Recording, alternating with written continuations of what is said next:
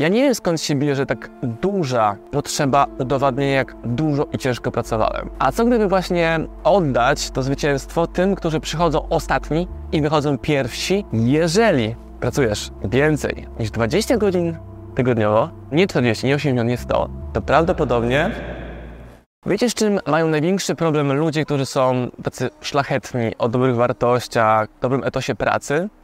Z tym, że nie potrafią odróżnić generowania wartości, bycia skutecznym w rozwiązywaniu problemów od pracoholizmu. No bo czym jest pracoholizm? Pracoholizm jest umiłowaniem roboty, pracy, ponad efekt. I też tu z Dominikiem mówiliśmy wcześniej o ludziach, którzy tworzą wideo poprzez ogromnie napuchnięte, wielkie produkcje. Ludzie, sprzęt, robocze dni versus ci, którzy biorą lustrzankę czy iPhone'a i nagrywają materiał w biegu z ręki, ale szybciej, efektywniej, skuteczniej. Wideo, które dzisiaj nagrywamy, będzie w ciągu kolejnych kilku dni u mnie na YouTubie. I to jest umiłowanie efektu versus zbudowanie wielkiego planu produkcyjnego, żeby dla Was stworzyć jedno wideo. Czy ja się skupiam na tym, żeby wygenerować szybko efekt dla mojego widza, dla siebie, efekt dla mojego klienta, żeby mógł szybko, łatwo kupić produkt, który dla niego mam, versus oddalanie w czasie nieskończenie długo tego efektu. Czyli moje kursy online powstają bardzo szybko, są konkretne, odarte ze storytellingu, więc są krótkie, w punktach, takie bum, bum, bum, bum, nakierunkowane na efekt. Ale nie każdy tak ma na poziomie twórców, to jest ok, i też nie każdy tak ma na poziomie klienta, czyli widza. Ludzie, którzy pracują na etatach i lubują się w że mówią swoim znajomym, no szef mnie musiał już do roboty wyganiać do domu, bo siedziałem do późna. Takie poczucie szlachetności, że jak pracowałem dłużej w roboczych godzinach, to jest to lepsze, takie bardziej, wiecie, wow, taki etos, polskiej pracy. Oczywiście nie można pójść w skrajność, bo są też tacy, którzy się po prostu opierdalają i nic nie robią, ale o nich to nie mówimy. Mówimy o tej drugiej grupie, która siedzi w robocie dla siedzenia w robocie, która klika w ten komputer, w sumie nie wiedząc, co tam w ogóle ma robić. Versus ci, którzy 80-20. Które 20% tego procesu generuje największy efekt? To generuje te 80% słynne pareto. I ludzie mają z tym ekstremalny problem. Dodatkowo ten pracoholizm powoduje, że jesteśmy skupieni tylko wyłącznie na jednym obszarze swojego życia.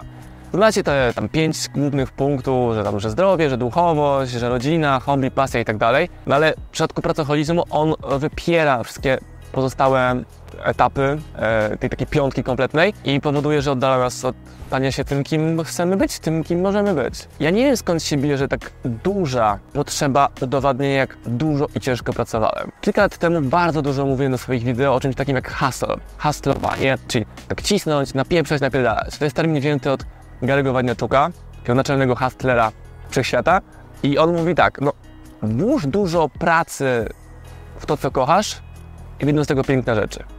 Natomiast ogromnie duża rzesza ludzi wkłada bardzo dużo pracy, roboczych godzin, w te rzeczy, których nie kochają. My mamy pracę, która jest w oparciu o złote kajdanki, czyli piękne wynagrodzenia, bonus, yy, szafa z soczkami, darmowe jedzenie, widok na piękne jakieś panoramy miasta, ale to są ludzie, którzy prawdopodobnie w większości są uzależnieni od pracy.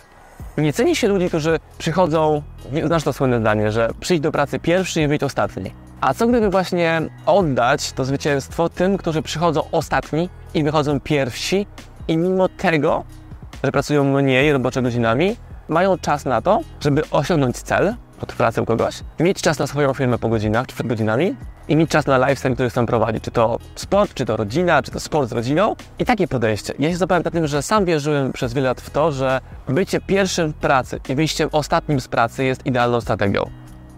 Długoterminowo absolutnie nie. Na początku jest to idealna opcja, żeby rozpocząć biznes, pracę kogoś, ale jeżeli z czasem te robocze godziny nie zmniejszają się, bo stajemy się bardziej efektywni, to mamy do czynienia z fundamentalnie wielkim błędem.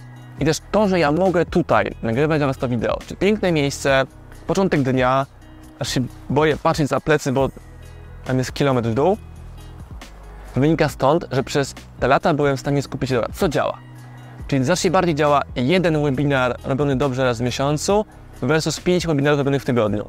Ale kiedyś robiłem 5 webinarów w tygodniu, a teraz robię jeden webinar raz na miesiąc, ale jest duży, większy, mocniejszy, czyli moja efektywność poszła na wyższy poziom, że potrafię skupić w jednym miejscu oczy moich widzów, klientów, kontrahentów na jednym webinarze versus 5 webinarów przez każdy dzień tygodnia. Ale początki były takie. Robiłem codziennie webinar, codziennie live, codziennie cisnąłem ekstremalnie mocno. I to dało mi kompetencje, zasoby, narzędzia, żeby robić tego później mniej.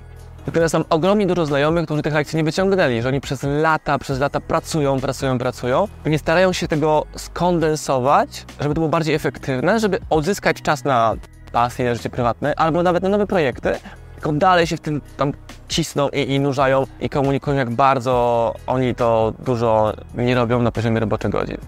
No, mogłoby się wydawać, że oni są lepsi, szlachetniejsi, bardziej wydani niż ci, którzy są userami, nierobami, ale znowu czymś innym jest ktoś, kto jest efektywny, a zupełnie kimś innym jest menel pod sklepem, który siedzi i nie robi, on czeka. Ale z drugiej strony i menel ma swoje cele zrealizowane, prawda? Więc podsumowując te moje tutaj klifowe przemyślenia, pracujesz efektywnie, czy pracujesz dlatego, że wydaje ci, że musisz dużo pracować? Bo jak nie pracujesz, czujesz się winny, że nie pracujesz. Ja się czuję winny, gdy nie optymalizuję procesu, gdy nie deleguję, gdy zbyt dużo ja robię versus mój team. I to jest też podejście, którego uczę się cały czas, żeby usunąć się z drogi, delegować. I może też to podejść tym, czy odpisuję na większą liczbę maili, niż robienie forwardu wiadomości do odpowiednich osób. To jest taka pierwsza oznaka tego, czy jesteś w procesie, czy możesz go delegować na kogoś dalej, na swój team. Jeżeli robisz forwardy maili, spoko. Jak wziąłbyś każdego maila, każdy task, każdy obowiązek, to uwaga, uwaga. Jeżeli pracujesz więcej niż 20 godzin tygodniowo, nie 40, nie 80, nie 100, to prawdopodobnie albo jesteś na początku swojej drogi hustlera, albo zbyt długo w tym procesie już jesteś i zbyt mało wydelegowałeś, albo masz zbyt małe stawki, to musisz więcej klientów, więcej klientów, więcej klientów, ale pracowanie więcej wcale nie oznacza bycie bardziej efektywnym. Oznacza bycie bardziej zajętym. Więc do czego dążysz? Do bycia bardziej zajętym, czy do bycia bardziej efektywnym.